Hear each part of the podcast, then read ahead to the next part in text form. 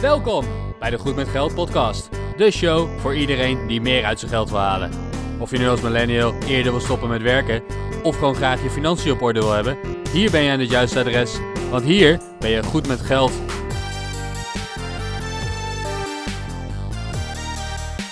Dit is de Goed met Geld podcast, aflevering 66. Mijn naam is Bas en ik schrijf op firetheboss.eu. En ik ben Arjan en mij vind je op www.stoppenvoormijn50ste.nl. Vandaag gaan we het hebben over verzekeringen. Want goed met geld zijn, dat gaat natuurlijk niet alleen maar over sparen en beleggen en meer geld verdienen en minder uitgeven. Maar het gaat ook over eigenlijk allerlei andere geldzaken, persoonlijke financiën. En, en verzekeren is er, is er daar wel eentje van.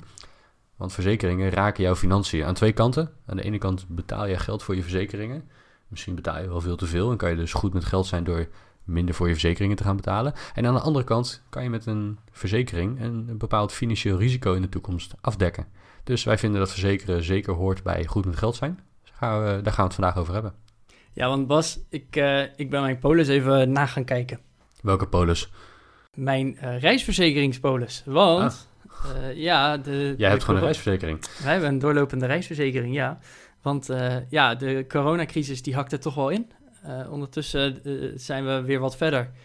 En uh, ja, ons tripje naar Lissabon gaat toch wel mooi niet door. we hebben geboekt bij twee verschillende airlines. En allebei de airlines hebben nu gezegd: nee, we gaan toch niet vliegen. ja, dan, dan gaat het even niet vliegen. Dat gaat even niet vliegen. En, en ja, alleen onze, onze host heeft nog niet gecanceld. Dus waarschijnlijk moeten we onze host zelf gaan cancelen. Mm -hmm. Maar goed, ik was dus eigenlijk wel benieuwd. En dat, dat heb ik dus al iets eerder opgezocht. Van ja, wat nou als het niet gecanceld wordt? Wat nou als, als ze gewoon zeggen, ja, maar we vliegen gewoon. En wij zeggen zelf van ja, maar met, met de hele coronacrisis vinden we het eigenlijk wel te gevaarlijk om daarheen te gaan. Wat nou als? En ja, toen ben ik eens gaan kijken. We hebben een uh, doorlopende reisverzekering, want ja, wij vinden het nog wel eens leuk om spontaan een weekendje weg te gaan. Nou, we blijven redelijk binnen Europa, dus dan is een, een doorlopende reisverzekering is eigenlijk relatief goedkoop. Of tenminste, zo heb ik me laten adviseren. Dus dan ben je in het buitenland ben je gewoon verzekerd. Nou, en toen ging ik even kijken, want wij, wij wilden geen annuleringsverzekering. Want we nemen vaak zelf de auto. Uh, de, de, kosten die zijn allemaal wel te behappen. Maar goed, in hoeverre worden dingen dan wel verzekerd? Nou, annuleringsverzekering hadden we niet, dus uh, jammer dan geld weg. Nou, toen ben ik eens verder gaan kijken. We hebben het betaald met een creditcard. En al die creditcards, ik weet niet of je dat bij zo'n reclame wel eens is opgevallen. Heb nu 180 dagen aankoopverzekering. Ken je die? Jazeker, ja, ja, je ziet af en toe wel eens van die reclames. En creditcards die, zijn, uh, die, die komen van, vaak wel met een pakket aan verzekeringen, inderdaad. Ja, ja nou, dus toen uh, ben ik ook daar even gaan kijken. Want natuurlijk hebben wij dat ding met een creditcard betaald. Want ik dacht, ja, dan is het meteen verzekerd. Als het niet doorgaat, hè, dan uh, kaching, komt het gewoon weer terug in ons eigen portemonnee. Nou, toen ben ik even gaan kijken. Nou, er zit wel een soort van reisverzekering bij. Maar als het geannuleerd moet worden, moet je wel de dure creditcard hebben. En natuurlijk hebben we die niet, want we hebben gewoon de standaard creditcard met de standaard 180 dagen uh, verzekering.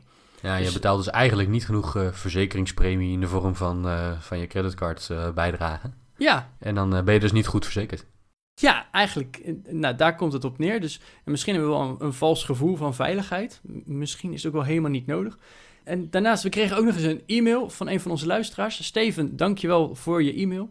Uh, want Steven die mailde ons van ja, hoe zit dat nou met verzekeringen? Wat hebben jullie? Wat zouden jullie doen? Uh, en en, en wat voor verzekeringen zijn er überhaupt? Dus ik wil graag deze aflevering beginnen met een disclaimer. Net zoals dat wij altijd roepen, wij zijn geen financieel adviseur. Zijn we ook zeker geen verzekeringsagent. Uh, dus wij gaan allemaal dingen roepen in deze aflevering, maar het is alles behalve advies. wil je er meer over weten, ga dan inderdaad even contact opnemen met een echte verzekeringsagent. Uh, want he, je kan gaan claimen wat je wil bij ons, van ik heb de verze verkeerde verzekering afgesloten. Maar bij deze de disclaimer, eh, wij zijn niet aansprakelijk. Daarmee verzekeren wij ons tegen dit soort claims. Ja. ja. Nou, Bas, laten we beginnen. Welke verzekering heb jij? Uh, ja, nou, privé heb ik in ook geval een, een aansprakelijkheidsverzekering. De, de bekende WA-verzekering. Die is ja. verplicht in Nederland. Um, dus die, die heb ik met mijn, uh, met mijn gezin, mag ik het zo noemen, als je gewoon met je vriendin samenwoont. Ja, want het is eentje met je huisgenoten, geloof ik. Met je, huis, heb, met je huishouden met, is het Met, met het huishouden, inderdaad. Dus ik heb ja. hem uh, inderdaad ook uh, samen afgesloten. Ja.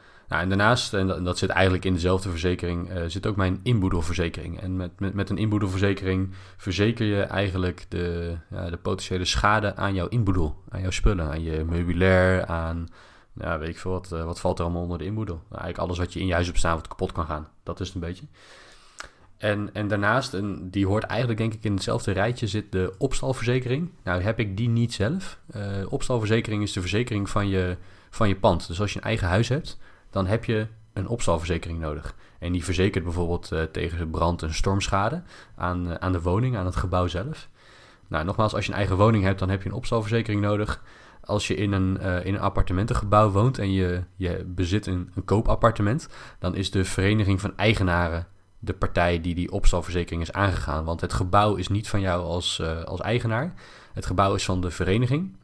En, uh, en als eigenaar ben jij lid van de vereniging en, en maak jij er dus deel uit van, uh, van, de, ja, van de groep aan eigenaren samen. Um, maar de vereniging, in, in dit geval de vereniging van eigenaren, die, die hebben de opstalverzekering. en daar betaal je voor in de vorm van je, van je servicekosten of van je VVE-bijdrage. Dus uiteindelijk heb je wel een soort van opstalverzekering, alleen betaal je die niet één op één zelf. Ik denk dat jij hetzelfde rijtje hebt, Arjan, of niet? Nou, ik, uh, ik kom nog wel iets verder. Uh, ik heb inderdaad mijn aansprakelijkheidsverzekering en uh, een, een, doorlopende reisverzekering heb ik dan nog, zoals ik daar net al vertelde. En ja, ik heb even mijn polisblad erbij gepakt. Ik heb een, een particuliere woonverzekering. Okay. want ik woon in een appartement. Maar ik, heb mij, ik, ik ben toen echt bij zo'n verzekeringsadviseur geweest. En toen heb ik ook de voorwaarden van de polis van mijn VVE-verzekering meegenomen. En daar zei hij van ja, stel hè, de hele boel brandt af. Dat kan gebeuren. Dat is heel vervelend. Maar ja, je woont met 16 gezinnen in, in je appartementcomplex. Dus de kans is 1 op 16 al wat groter dan, dan wanneer je het zelf doet. En die verzekering, ja, er wordt wel een nieuw pand neergezet. Er komt een keuken in, er komt een badkamer in, hè, want uh, dat, mm. dat is gewoon allemaal geregeld. Maar die verzekering is niet zo denderend. Die verzekering is namelijk echt minim. Dus als jij uh, een badkamer wil, dan krijg je gewoon de standaard witte tegel uh, met een douchekop en een fonteintje en meer niet. Verwacht geen tieralentijntjes, verwacht nee, geen... geen fancy woning. Er wordt zeker geen fancy woning. Je hebt nu een keuken. Uh, nou oké, okay, je keuken is wat ouder, maar hè, stel dat jij... stel dat de boel afbrandt, dan krijg je een aanrechtblokje, twee kastjes en misschien nog een kastje wat je op kan hangen en een koelkast. Daar, daar stopt het dan een beetje. Uh, ja. en, en zo eigenlijk door al dat soort dingen heen. Dus ik heb een, een, of een iets wat aanvullende verzekering daarbij genomen. Zodat in ieder geval van ja, als, als de boel afbrandt, dan, uh, dan wordt daar ook gewoon rekening mee gehouden. En dan is het dus ook mogelijk om nou, inderdaad een, een mooi sierstripje of weet ik het wat te, te krijgen. Wat betaal je voor die verzekering? Even kijken hoor, mijn particuliere woonverzekering is 132 euro per jaar. Oké, okay, dus iets meer dan een tientje per maand? Iets meer dan een tientje per maand. En daarvoor is eigenlijk de herbouwwaarde van je woning uh, voor wat meer geld verzekerd. Moet ik dat zo zien? Uh, ja, ik ben ondertussen even de voorwaarden aan het doorscrollen. Of is het bijvoorbeeld ook inclusief je inboedelverzekering? Uh, ja, nou, dit, dit, dit, is dus inderdaad een woonverzekering. maar dat is inderdaad ook meteen je inboedel. Dus mijn inboedel is meteen ook alrisk verzekerd. Mijn ja, sieraden precies. zijn ermee verzekerd. Ja. maar ik heb dus mijn eigenaarsbelang uh, heb ik daarin wat laten verhogen. Oh, ja. Zodat het, op die manier ik ook inderdaad gewoon een mooie badkamer en, en weet ik het allemaal verzekerd heb. Ja. Ehm, dus maar bijvoorbeeld ook bij stormschade en al dat soort dingen wordt de boel verzekerd. Mm -hmm. Dus nou, ik heb dus een aansprakelijkheidsverzekering, want die is verplicht. Daarnaast heb ik ook een rechtsbijstandverzekering. Oh ja, ja. dat, dat is een hele dure verzekering. daar ben ik me ook echt wel bewust van. Maar ik heb ondertussen bij meerdere mensen in mijn nabijheid ook meegemaakt dat, dat zo'n ding zich echt wel terug kan verdienen. Mm -hmm. om echt de meest lullige dingetjes. Gewoon partijen die het niet eens zijn en dat moet langs de rechter.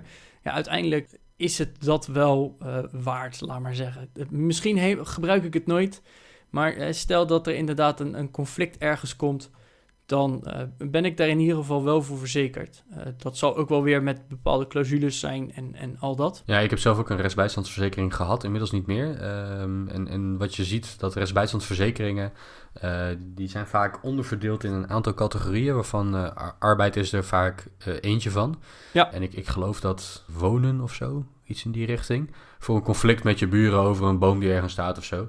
Ja, ik heb hem even erbij gezocht. Ik, ik, ik heb een dekking voor verkeer en voertuigen. Ja. Eh, want die, uh, zulke dingen kunnen nog best wel eens uh, hoog oplopen. consument en wonen. Dus waarschijnlijk als ik ruzie heb met mijn buren, kom ik daar ook nog wel uit. Ja, ja. En werk en inkomen. Oh ja, dus je hebt het volle pakket waarschijnlijk. Nee, nog niet eens. Want ik kon nog heel veel meer opties kiezen, geloof ik. Oké. Nou, wat je dan ziet inderdaad is dat op het moment dat je een conflict hebt dat in een van die categorieën valt, en dan moet je even goed natuurlijk de polisvoorwaarden doorlezen of jouw conflict daar echt invalt. En dan kan je vanuit de rechtsbijstandsverzekeraar een, eh, een advocaat toegewezen krijgen om jou bij te staan in, jouw eh, in jouw conflict of in jouw meningsverschil. Dus dat, eh, dat kan een hele waardevolle zijn inderdaad mocht je, mocht je problemen gaan krijgen en, niet het geld hebben om zelf een advocaat in de arm te nemen. Dan kan de rechtsbijstandsverzekering best wel een, een goede hulp zijn daarin. Ja, nou, ik, ik pas zelfs nog een recente casus gehad daar werd dus een, juridisch medewerker, heet dat dan, uh, daarbij aangesloten. Uh, om überhaupt al een brief te schrijven. En zulke brieven, die moeten echt helemaal dichtgetimmerd zijn. Ik heb ze allemaal gekeken en gecontroleerd en, en noem maar op. Maar dat zijn best wel brieven die ik zelf niet zomaar op zou kunnen stellen. En zo'n persoon die doet dat net even makkelijker. En geloof mij, binnen drie brieven, dan zou je zelf al gek worden. Dus dan heb je dat, het is een, een bedrag van een, een paar honderd euro per jaar. Dus ja, het is een relatief dure verzekering. Maar ja, die heb ik wel. Dan heb je nog een van de belangrijkste verplichte verzekeringen gemist, Bas.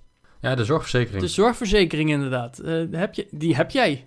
Die heb ik, ja zeker. Die heb ik inderdaad. En ik meen dat ik daar uh, iets van, wat zal het zijn, 70, 75 euro een maand voor betaal. Misschien ietsje meer. Wacht, ik, ik zoek het even op, want het is best, uh, best een interessante. Ik heb in elk geval een hele minimale zorgverzekering. Ik betaal echt, uh, echt het minste wat je kan betalen. En, en terwijl ik aan het praten ben in de microfoon, ben ik aan het opzoeken op mijn telefoon wat ik eigenlijk precies voor betaal. Wat ik heb gedaan namelijk, ik heb gewoon het minimale pakket. Dus de, de minimale dekking. Geen aanvullende verzekeringen voor fysiotherapie of tandheelkunde of dat soort zaken. En, en op dat minimale pakket heb ik ook nog eens het maximale eigen risico genomen. Omdat ik het maximale eigen risico best wel laag vind. Dus een bedrag van uh, eh, 800 of 900 euro. Ja, dat, dat kan ik gewoon zelf betalen. Hè? Moment dat je het geld op de bank hebt staan, hoef je dat dan ook van niet te verzekeren. En ik geloof dat dat me 20 euro per maand aan premie scheelt. Oh, dat is best wel veel.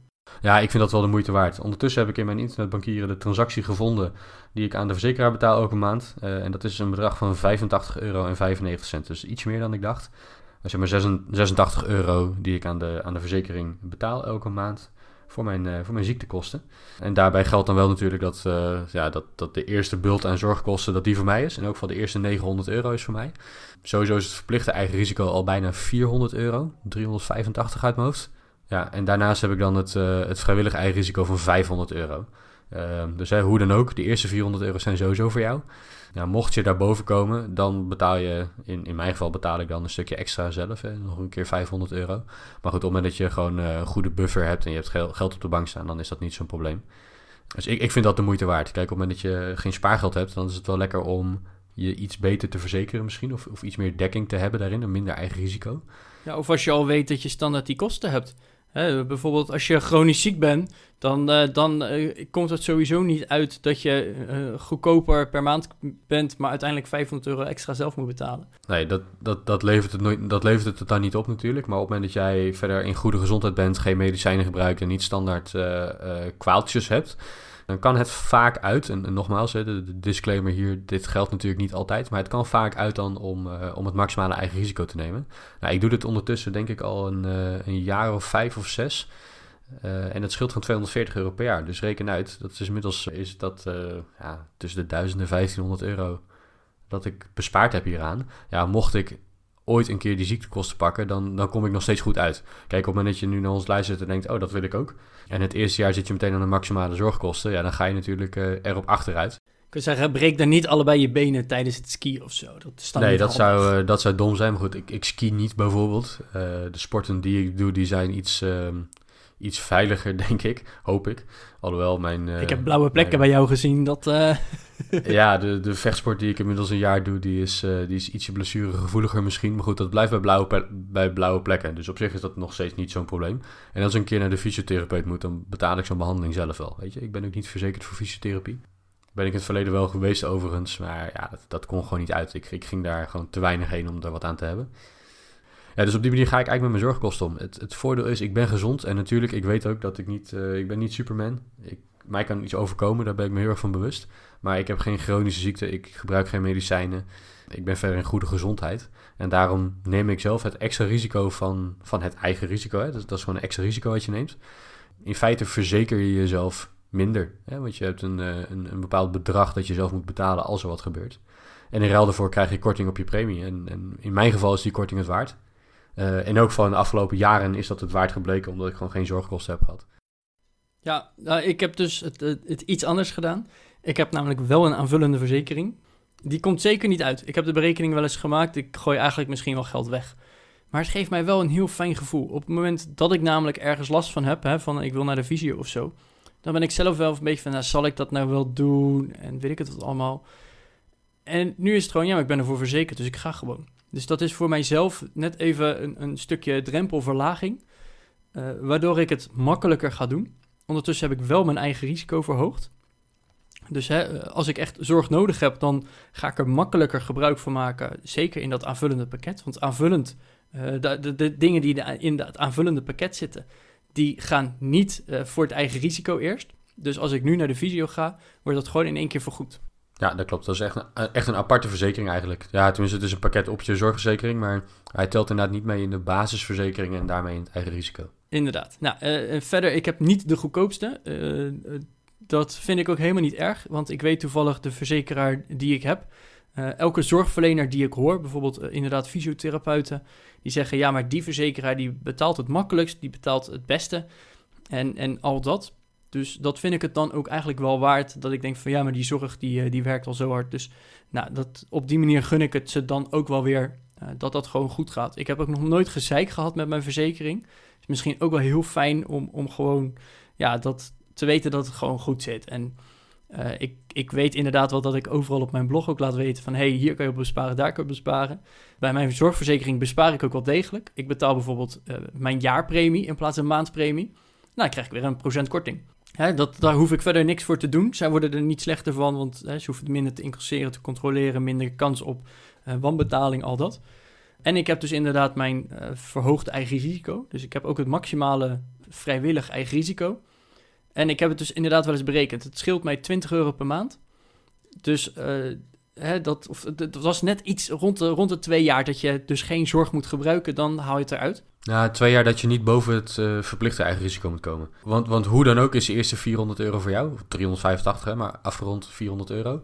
Ja. Uh, dus, dus op het moment dat je elk jaar op 400 zit, dan maakt het dus ook niet uit. Nee. En, en, dat, ma en dat maakt de kans dat je in, die, nou, in je, in je um, vrijwillig eigen risico komt, die, dat maakt die kans ietsje kleiner. Ja, wat ik dus wel heb gedaan, en dat is misschien ook wel even goed om te weten. Uh, ik spaar elke maand om mijn zorgverzekering te kunnen betalen. Dus elke maand leg ik geld apart in een potje, zodat ik aan het einde van het jaar in één keer die hele bulk kan betalen. Hmm. Dat geld wat ik apart leg, dat uh, is gebaseerd op een berekening. Namelijk, ik verwacht dat mijn zorgpremie zoveel gaat zijn. En aan eigen risico kan ik zoveel kwijt zijn komend jaar. Dus hè, stel dat het, uh, ik, ik, ik, geloof dat ik 1400 heb betaald afgelopen jaar. Dus 1400 plus die, 18, die 800 nog iets aan eigen risico. Dus dat is totaal ruim 2200. Dat moet er uiteindelijk einde van het jaar in mijn potje zitten. Dus nou, dat delen door 12 is dus het bedrag wat ik elke maand reserveer daarvoor. Dus zelfs mijn eigen risico neem ik al mee in mijn budgettering. Dat heb ik dus één jaar uh, echt goed moeten doen. Dat ik inderdaad die 500 euro extra al gespaard had. Mm -hmm. Maar ondertussen hoeft dat dus in mijn budgettering niet meer mee. Nee, want, want dat geld dat staat er nu gewoon. Ja, inderdaad. Dus het eerste jaar heeft het me inderdaad echt wel even wat gekost om, om dat buffertje verder aan te leggen. Maar hè, het zit dus echt in mijn buffer om mijn eigen risico te kunnen betalen. Ja, ja en, en, en daardoor kan je het je permitteren om, om nu wat minder premie te betalen. Dat is wel ja. een, uh, een mooie oplossing inderdaad. We gaan even door. Uh, andere verzekeringen. Uh, we hebben het nu over de aansprakelijkheid, inboedel, opstal gehad, over de zorgverzekering, over de rechtsbijstandsverzekering. Iedereen in Nederland die een auto heeft, is in elk geval voor de auto verzekerd met minstens een WA-verzekering, wettelijke aansprakelijkheid. En, en dat houdt in dat als jij een ongeluk veroorzaakt, of als jij schade veroorzaakt aan een ander, aan een ander zijn spullen, zijn auto bijvoorbeeld, dan, dan wordt die schade vergoed door jouw verzekeraar. Hè? Jij bent in dat geval de schuldige uh, aan, aan de schade en jouw WA-verzekering die, die dekt dat risico af zodat, uh, ja, zodat jij die claim kan betalen als je schade hebt veroorzaakt. En daarnaast kan je je auto natuurlijk aanvullend verzekeren. Um, op het moment dat jij een auto al risk verzekert, dan ga je een stuk meer betalen dan als je hem alleen WA verzekert. Maar dan is ook alle schade aan je eigen auto bijvoorbeeld uh, verzekerd. Op het moment dat jij dan een ongeluk veroorzaakt, je eigen auto is totaal los en de andere auto is totaal los, dan zal het WA-gedeelte van jouw verzekering de ander zijn auto betalen of de ander zijn schade betalen. Um, maar het all-risk gedeelte gaat ook de schade aan je eigen auto dan vergoeden. Nou, er zijn allerlei vormen uh, die daar nog tussenin zitten. Sommigen noemen dat WA+. Uh, waarbij bijvoorbeeld alleen glasschade verzekerd is of uh, nou, dat, dat soort dingen. Of dat je auto in, in, in, ieder geval blijft rijden en dat de lakschade niet helemaal vergoed wordt. Dan heb je nog een, een auto-inboedelverzekering, je hebt nog een inzittende verzekering, al dat soort dingen. Dus hè, opties en varianten genoeg en ook prijzen en varianten genoeg. Ja, mijn autoverzekering die heb ik afgesloten bij dezelfde partij als waarbij ik ook mijn, gewoon mijn privé aansprakelijkheid en inboedelverzekering heb omdat zij uh, ja, gewoon als beste uit de test kwamen daar. En, en de test in dit geval was um, hoe makkelijk kan ik zaken met ze doen en wat kost het? En wat is dan de dekking? Ik heb mijn auto alleen WA verzekerd, maar wel een inzittende verzekering en een, en een bijbehorende autorechtsbijstandsverzekering. Die was in combinatie met die autoverzekering echt heel goedkoop. Ik, ik hoorde, jij, zei, jij gaf net aan, ik heb een rechtsbijstandsverzekering die ook uh, verkeerszaken ja. dekt. Nou, ik, ik heb dat niet, maar in mijn autoverzekering heb ik wel dat vinkje aangezet. En ik geloof dat dat 2 of 3 euro de maand extra kost. Dus, dus ik heb de WA-verzekering. Mijn auto is 7 jaar oud inmiddels. En ja, de dagwaarde. Het is nog een redelijk bedrag. Hè? Dat is niet uh, iets wat je zomaar even over de balk gooit. Het, het is niet als je denkt dat je auto twee keer zoveel waard is. Nee, die heb ik nog nooit gehoord. Dat, is, dat vind ik een leuke. Uh, nee, dat is absoluut niet waar. Ik, denk dat de dagwaarde van mijn auto op dit moment nog iets van 9000 euro is. Dus dat is nog best wel een flink bedrag. Maar mocht ik hem totaal losrijden, dan, dan hoef ik niet per se dezelfde auto terug te kopen. Het, het zou kunnen. Vanuit mijn buffer is dat, uh, is dat gewoon mogelijk. Maar in het slechtste geval rijd ik, een, rijd ik een jaar in een barrel van 1000 euro rond. Dus ik vind het niet de moeite waard om mijn auto al rustig te verzekeren. Kijk, op het moment dat je een nieuwe auto koopt en die is 30, 40, 50.000 euro waard, ja, dan misschien wel op dit moment vind ik dat het niet meer waard. Uh, ik, ik zou het heel erg jammer vinden als mijn auto totaal losgaat. En daarbij moet je zeggen, als je het zelf veroorzaakt. Hè, want op het moment dat iemand anders mijn auto totaal losrijdt, dan wordt hij natuurlijk wel gewoon voor de dagwaarde vergoed. Maar, maar goed, dat dus. Ik heb dus een, een WA-verzekering voor de auto en daarbij een inzittende verzekering um, voor schade aan, uh, aan personen die je bij je hebt. En, uh, en een klein stukje restbijstand dat erbij hoort. Nou, over dat uh, all-risk verzekeren, want toen ik 18 was, heb ik samen met mijn moeder een auto gekocht. En ik was super trots. een Suzuki Alto, een blauwe. En die hebben wij al risk verzekerd. Hij stond op mijn moeders naam, dus dan is het qua verzekering sowieso al veel goedkoper dan wanneer je een 18-jarige jongen probeert te verzekeren als, als eigenaar van de auto. Ja. Ja, ja, ja. Uh, maar we hebben al risk verzekerd, uh, bewust. Want uh, mijn moeder die had al jaren niet gereden, dus die heeft ook weer een aantal rijlessen genomen om het gewoon weer even te updaten. Eh, en ik had net mijn rijbewijs, dus de kans dat je dan een ongeluk veroorzaakt is ook gewoon meer aanwezig, omdat je nog niet de rijervaring hebt. Dus daarom hadden we een, een goedkope auto en toch al risk verzekerd. Simpelweg van, hey, als er wat gebeurt, ja, dan is het jammer, dan is het zonde, maar dan is het wel verzekerd. Mm-hmm. Dus nou, dat, dat is, en dat, daar komen we zo meteen in de aflevering ook nog op terug. Welke verzekering ga je nou afsluiten? Maar goed, voordat we daar komen, uh, nog even als laatste. Want uh, Bas, ik weet één ding zeker bij jou. Jij gaat een keer dood. Ja, dat is in elk geval één van de twee zekerheden in het leven. Uh, drie. Je wordt geboren, je moet belasting betalen en je gaat dood. Dat, uh... Ja, oké. De geboren die had ik dan even niet meegerekend, inderdaad. Maar ja, je moet belasting betalen en je gaat een keer dood. Dat is absoluut waar. En ja, er zijn een aantal verzekeringen die daarop inspelen. Uh, ik ga er even heel snel drie noemen. Dat zijn de overlijdensrisicoverzekering, de levensverzekering en de uitvaartverzekering. Kleine introductie. De overlijdensrisicoverzekering die is vaak gekoppeld aan een hypotheek. En daarmee verzeker jij dat jij, als je tijdens de looptijd van de hypotheek overlijdt, dat de hypotheek afgelost kan worden. En dat is deels om het risico van de bank uh, te verlagen dat jij, omdat je doodgaat, niet meer de hypotheek kan betalen, wat vrij logisch is. Maar ook deels om ervoor te zorgen dat jouw uh, partner bijvoorbeeld in het huis kan blijven wonen zonder geldzorgen. Want het, het, het, is op het moment dat een partner overlijdt, is het al, dat is al vervelend genoeg zonder je ook nog druk te moeten maken over inkomensverlies, de hypotheeklasten die blijven gewoon doorlopen enzovoorts. Dus dat is eigenlijk waar een overlijdensrisicoverzekering voor is. Ja, en als je dan ook inderdaad kijkt, vaak uh, eist een bank van jou dat jij alles boven 80% van de woningwaarde, wat ook een hypotheek heeft, dat je dat verzekert. Of 70, alles boven de 70% zoiets.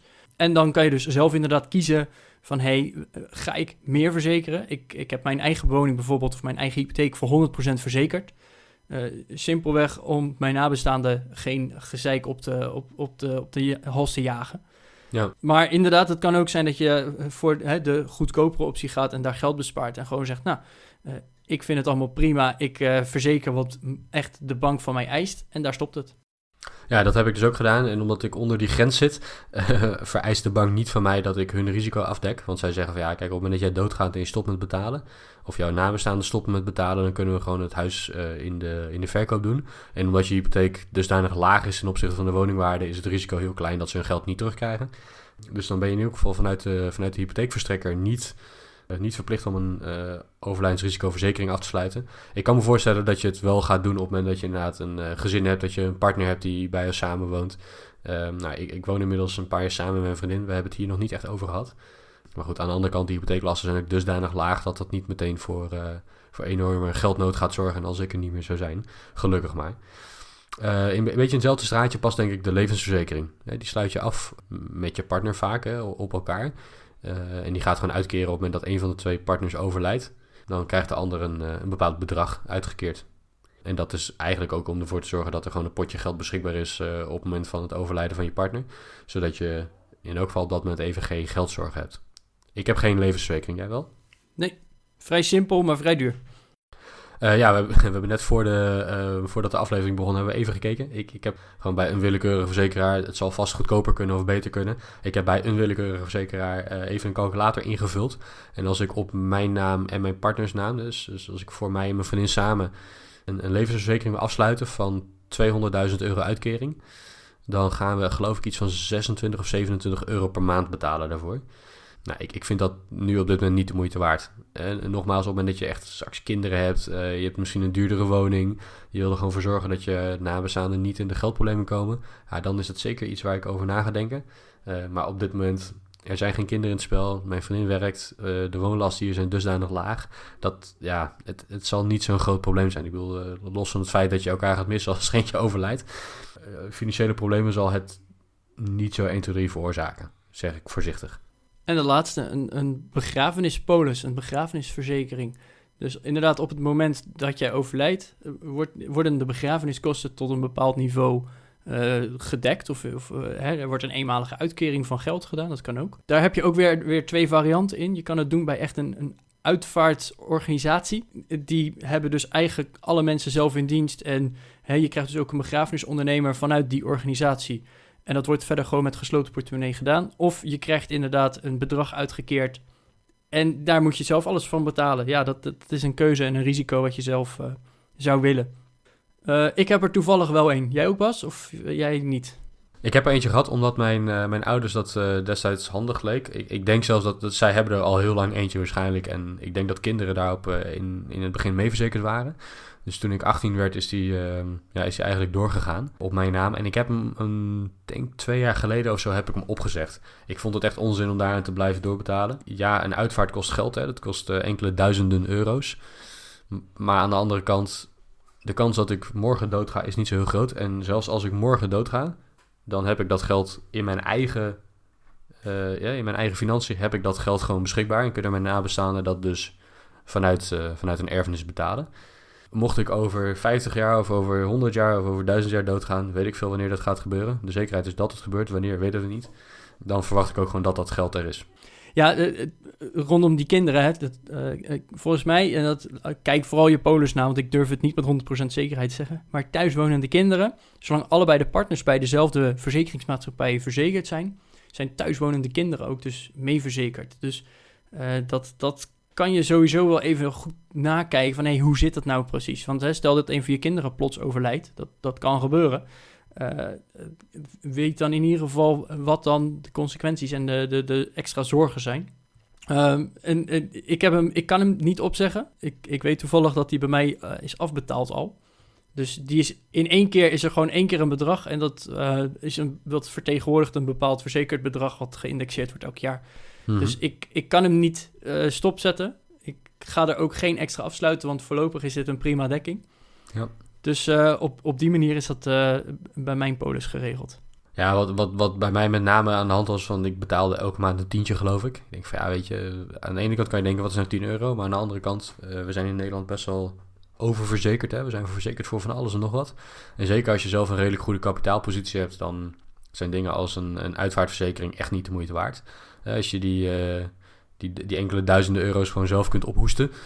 Uh, als je overleden bent, of als dat dan ook uit jouw erfenis betaald kan worden, dan is een, dat is een uitvaartverzekering dus totaal niet uh, noodzakelijk.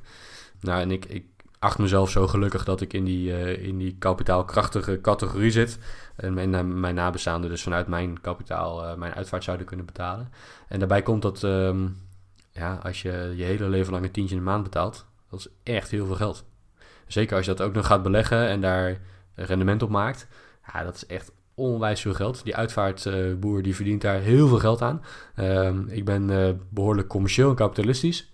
Dus voor mij mag iedereen er heel veel geld aan verdienen. Maar ik hou het in dit geval liever in de eigen zak. Ja, Bas, ik wil meteen al onze luisteraars even naar onze voormalige gast verwijzen. Wij hebben Geldnerd in een show gehad.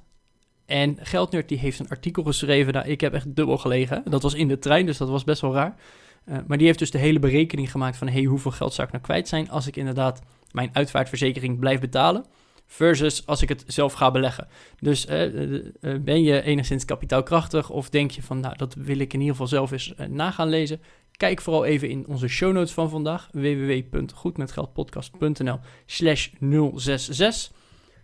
En lees dat artikel gewoon even door. Het is echt grappig geschreven, goede berekening erachter en ja, genieten eigenlijk.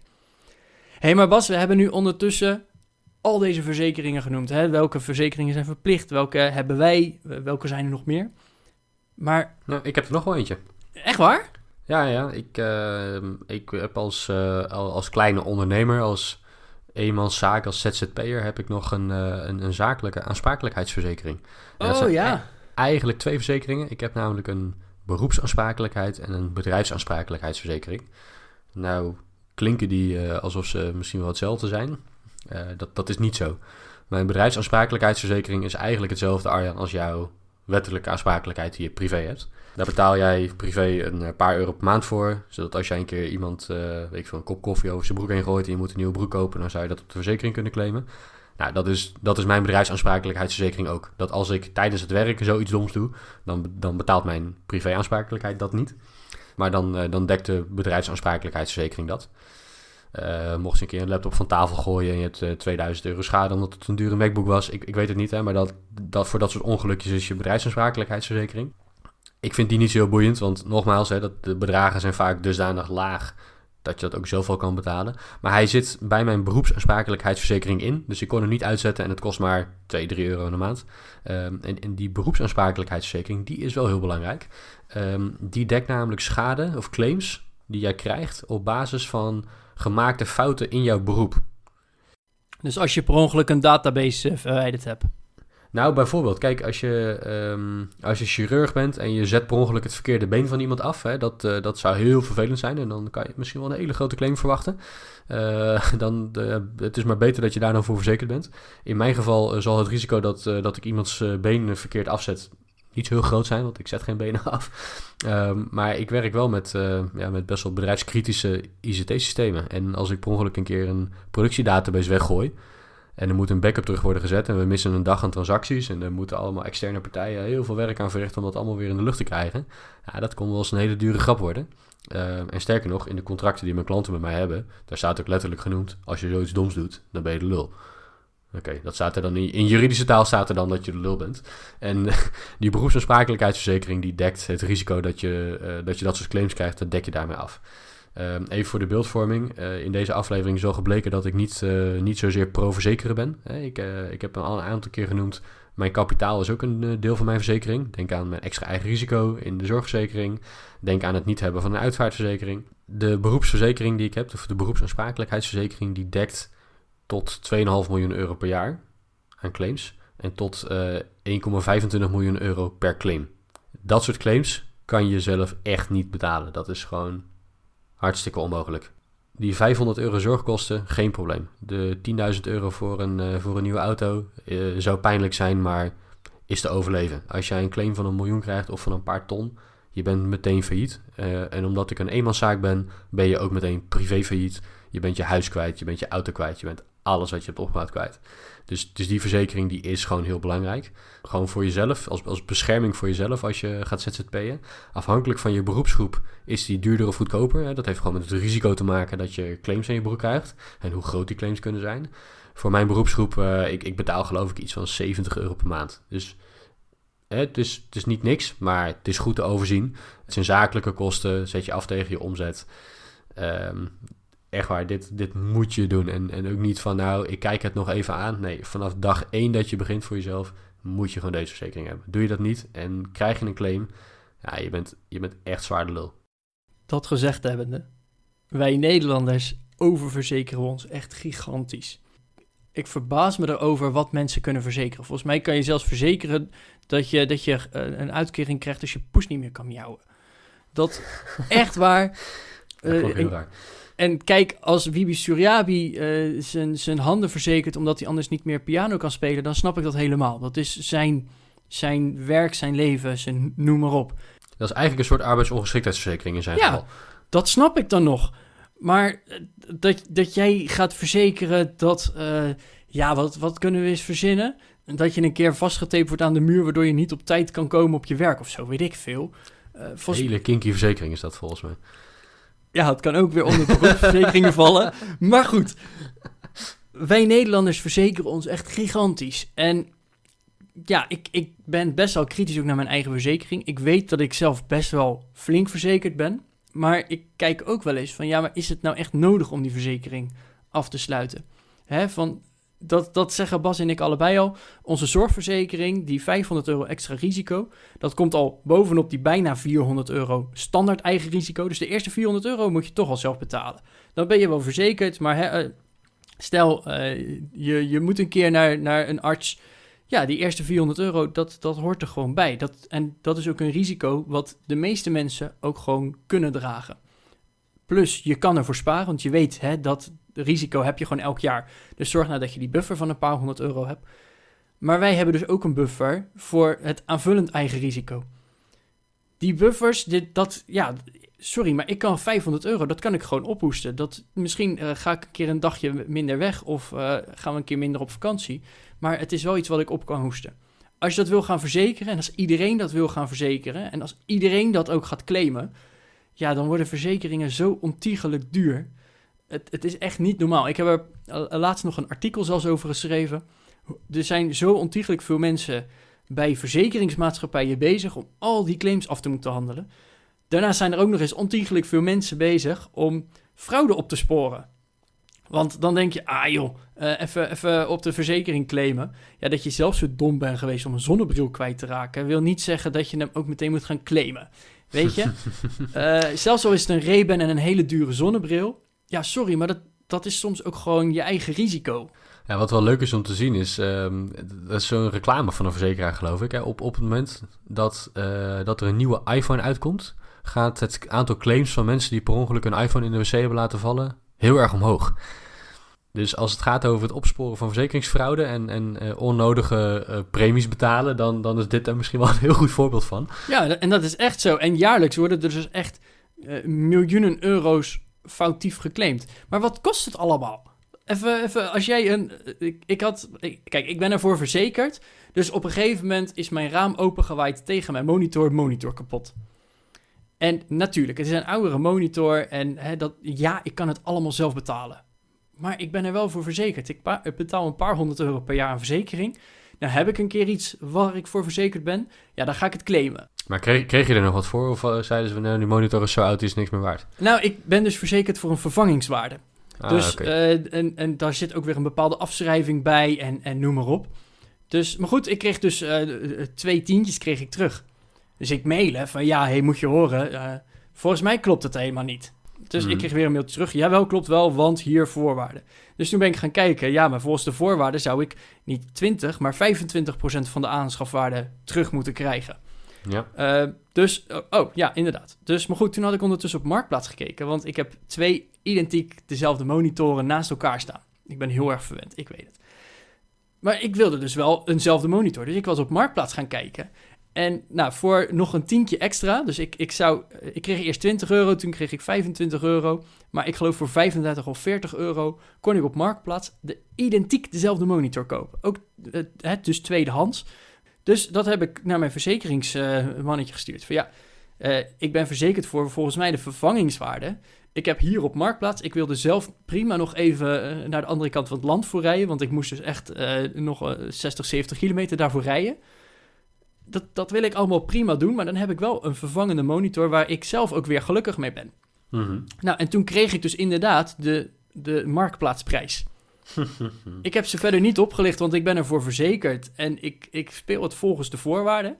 Maar ondertussen, en dat vergeten heel veel mensen, ik heb een claim ingediend. Ik heb twee keer moeten mailen. Iemand heeft de voorwaarden moeten controleren.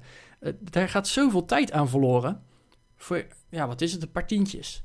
Het slaat echt nergens op. En dat hele apparaat is best wel heel erg duur. En eh, ja, dat, dat is misschien wel wat mis is met het Nederlandse verzekeringswezen. Is dat we zo idioot duur zijn. En dat we alles maar willen verzekeren. En ja, sorry, maar eh, als je kat een keer de griep krijgt, ja, betaal het dan gewoon zelf. Ja, ja, misschien wel. Ja, weet, ik niet. We zijn in Nederland inderdaad wel, eh, wel oververzekerd. Eh, dat absoluut. Hè. Heel veel mensen hebben heel veel verzekeringen. Gewoon uit angst dat, dat er misschien een keer een rekening komt. Maar ze vergeten dan de rekening die in elk geval gegarandeerd elke maand komt. En dat is de, de rekening van de verzekeringspremie. Ehm, ja, ik, ik ben er zelf ook heel kritisch op. Hè. Zoals aangegeven, wettelijke aansprakelijkheid inboedel opstal natuurlijk. Zorgverzekering, alleen eh, de bare minimum. Eh restbijstand heb ik niet meer. Auto alleen maar de bare minimum en dan nog wel de inzittende verzekering. Want eh, het vind ik wel belangrijk dat in elk geval mijn inzittenden ook geen, geen schade ondervinden. Overlijdensrisico niet, levensverzekering niet, uitvaartverzekering niet. Zakelijk gezien alleen maar de verplichte verzekeringen. Een arbeidsongeschiktheidsverzekering heb ik bijvoorbeeld niet. Wordt vaak voor ondernemers wel aangeraden.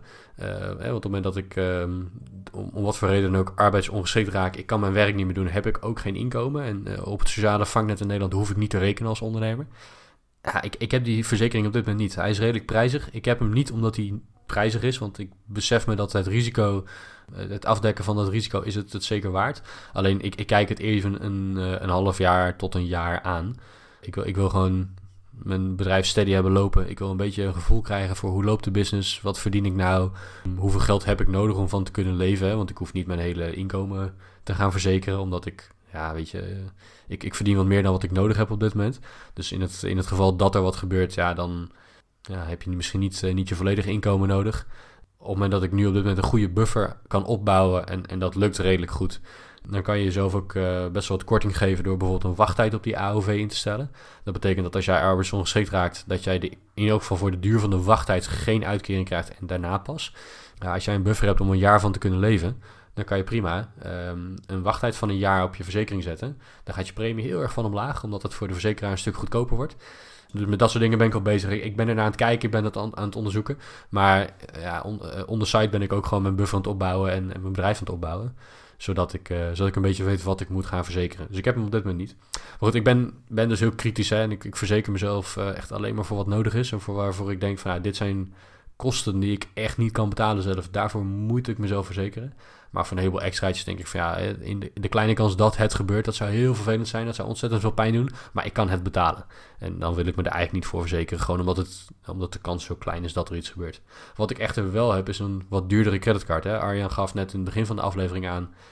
Uh, met, met de goedkope creditcard is de, blijkt de, annuleringsverzekering en de reisverzekering... die blijken toch niet zo heel, heel denderend te zijn. Ik heb een wat duurdere creditcard. Daar betaal ik best wel een, een fors bedrag voor.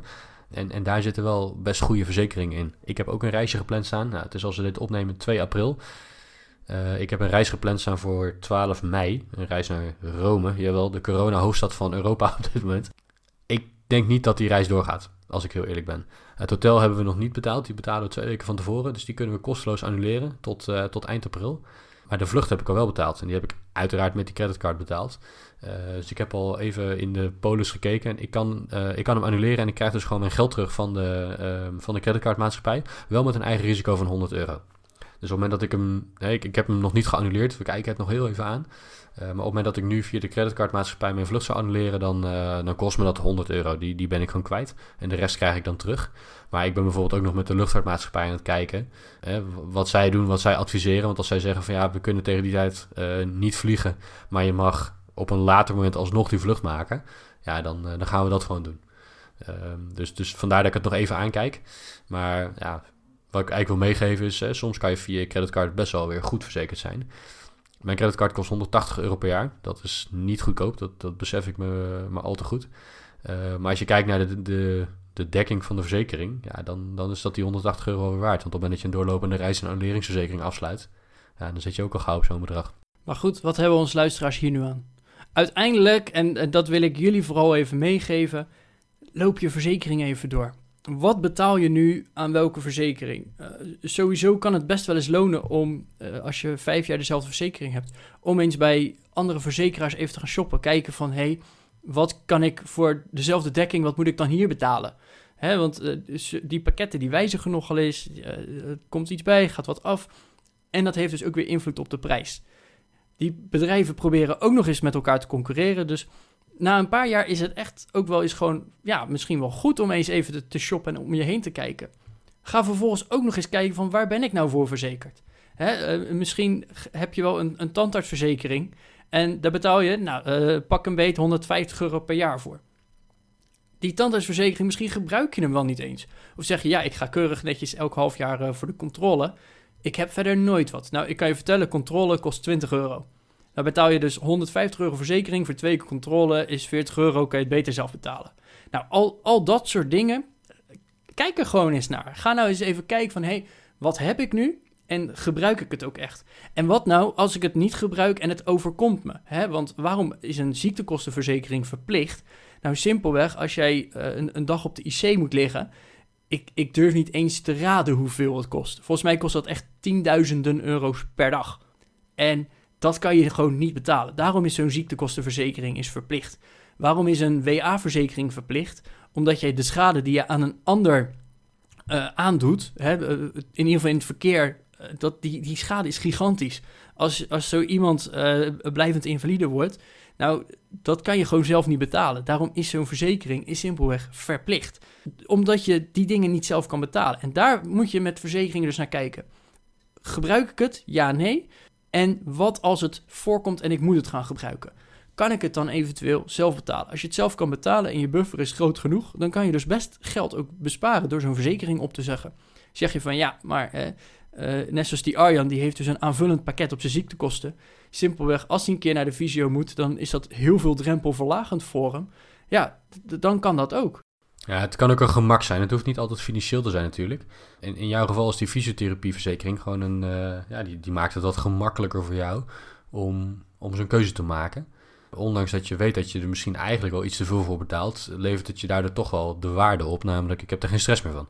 Ja, daarom. Dus, en, en kijk, bij mij is het een heel pakket. Dus mijn tandarts, mijn fysio en, en nog wat dingen... die zijn gewoon in één pakket. Ik kan niet kiezen. Uh, lekker makkelijk in één. Dus, en, maar dat is een bewuste keuze. En ik weet, waarschijnlijk haal ik het er nooit uit. Maar het, het geeft mij wel een, een bepaalde gemoedsrust. En een gemoedstoestand waar ik me prettiger bij voel. Maar ja, ik kan me ook heel goed voorstellen dat je denkt van ja, die verzekering die ik heb, is die nou wel nodig? En is het verplicht? En wat als het nou echt gebeurt? Wat als nou, uh, ik op mijn ree ben gaan zitten kan ik dan mijn reben zelf wel betalen? Of moet ik hem per se gaan dekken? Nou, als je hem per se op de verzekering moet gaan, gaan spelen, ja, volgens mij had je dan in eerste instantie al geen reben moeten kopen. Nee, dat denk ik ook. Hè? Op het moment dat je dat niet zelf kan betalen, dan, uh, ja, dan, dan had je hem misschien ook niet moeten kopen. uh, dan, dan, dan is zoiets misschien wel te duur geweest. Uh, dus ja, ik denk dat de boodschap is, wees bewust. Hé, hey, daar gaan we weer. Wees bewust van de, van de verzekeringen die je hebt. Wees bewust van hoe je met je geld omgaat. En, uh, en zet het gewoon in je agenda. Elk jaar een uh, reminder in je agenda. Check even je verzekeringen. Daar hoef je echt geen dag mee bezig te zijn. Je kan ze gewoon even kort nalopen. Je bent je bent er weinig tijd mee kwijt. Zeker als je eenmaal een beetje een overzicht hebt van wat verzekeringen allemaal hebt. Doe dat gewoon, kijk ernaar en word goed met geld. Dit was aflevering 66 van de Goed met Geld podcast over verzekeringen. Vond je dit nou leuk? Abonneer je dan vooral op ons kanaal. Uh, dat kan via de verschillende podcastplayers. Uh, laat een reactie achter onder de show notes of via die podcastplayers. En we zien je volgende week weer. Tot volgende week.